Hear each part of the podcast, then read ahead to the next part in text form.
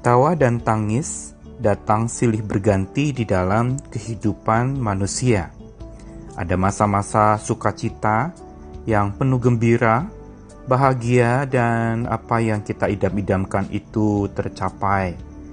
Ada sebuah keberhasilan, kesuksesan, kejayaan, kecemerlangan hidup yang tentu saja memberikan sukacita di dalam hati kita. Ada tawa di sana tetapi juga ada masa-masa duka cita, penuh air mata, tangis, dan perkabungan-perkabungan yang terjadi. Dan ini tentu saja menyisakan kepedihan. Dan silih bergantinya tawa dan tangis itu adalah sebuah realita kehidupan. Namun satu perspektif baru yang perlu kita bangun dalam hidup kita adalah bahwa segala sesuatu yang ada di dunia ini sementara. Tetapi yang kekal itu adalah justru bukan di dunia sekarang ini, tetapi ketika kita bersama dengan Tuhan senantiasa. Dan di sanalah dan bersamanya ada yang tidak akan terganti, yaitu tawa sukacita yang memenuhi mulut kita oleh kuasa Tuhan yang sudah membebaskan hidup kita. Sebagaimana di dalam kitab suci, di dalam Wahyu pasal 21 ayat 4 dikatakan bahwa Tuhan akan menghapus segala air mata dari mata mereka, dan maut tidak akan ada lagi. Tidak akan ada lagi perkabungan atau ratap tangis atau duka cita, sebab segala sesuatu yang lama itu telah berlalu. Ini adalah catatan di ujung dari kehidupan setiap orang percaya, yaitu tidak akan ada lagi ratap tangis tapi yang ada adalah tawa gembira senantiasa di dalam dan bersama dengan Tuhan. Saya Nikolas Kurniawan menemani di dalam Sabda Tuhan hari ini dengan penuh sukacita dari Mazmur 126 ayat yang kedua.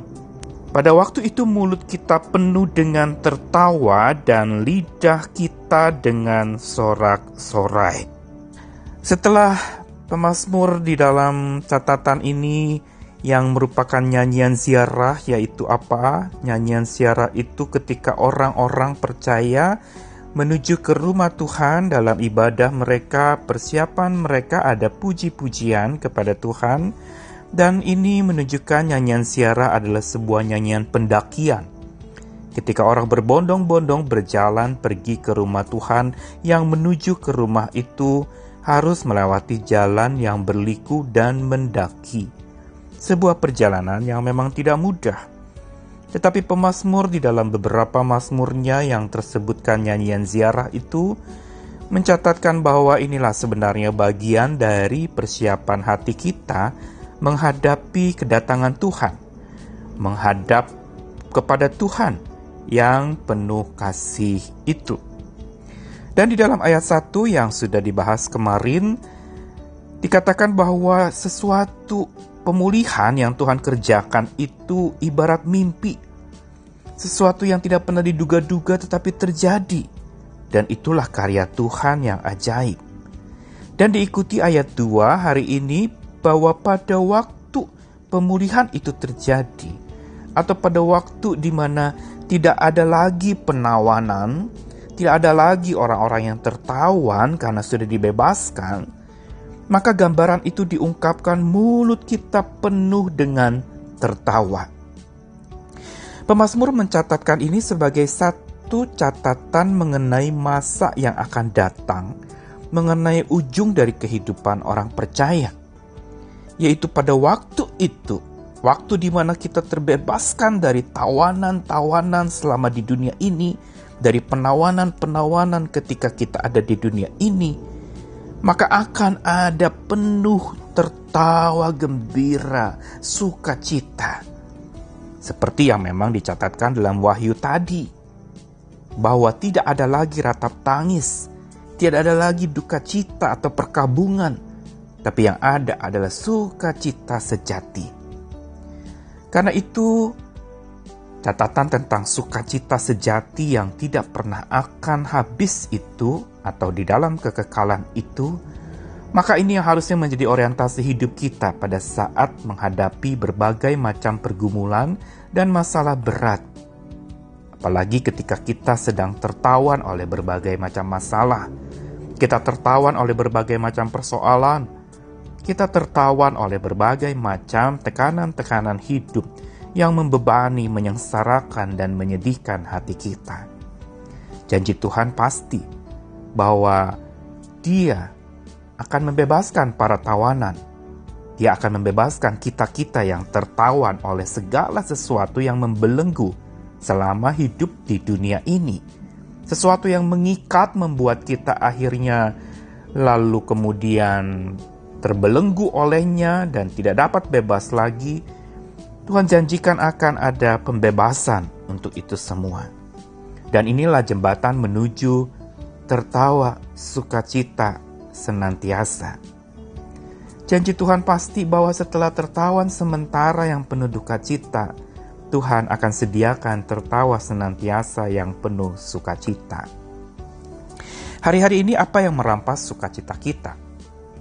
Mungkin penyakit, mungkin masalah pandemi yang melanda dunia ini, masalah resesi ekonomi yang begitu menakutkan, mengerikan, dan bahkan sangat merugikan dan masih banyak lagi yang bisa merampas sukacita kita. Tapi perampasan sukacita itu tidak pernah akan terjadi kalau kita tidak mau menyerahkan sukacita sejati dari Tuhan itu kepada pergumulan-pergumulan yang berat tadi. Selama kita berjalan bersama dengan Tuhan, ada sukacita oleh Tuhan yang akan memenuhi mulut kita. Sukacita yang bukan sekedar sebuah rasa atau emosi, tapi sukacita sejati di dalam hati. Ada sebuah kebahagiaan yang bukan saja dari Tuhan, tapi Tuhan sendiri adalah bahagia kita. Sukacita yang bukan saja dari Tuhan, tapi Tuhan sendiri adalah sukacita kita. Dan ini yang menjadi penghiburan. Saat lelah, ingat Tuhan yang tak pernah kalah. Dia selalu berkawan dengan kita yang sedang tertawan oleh pergumulan yang berat.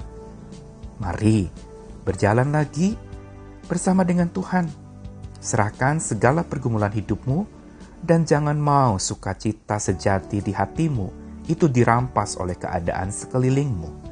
Dirampas oleh berbagai macam upaya-upaya di sekitar kita yang menakutkan, yang mengerikan, berita-berita yang membuat kita cemas, yang membuat kita khawatir akan hari esok.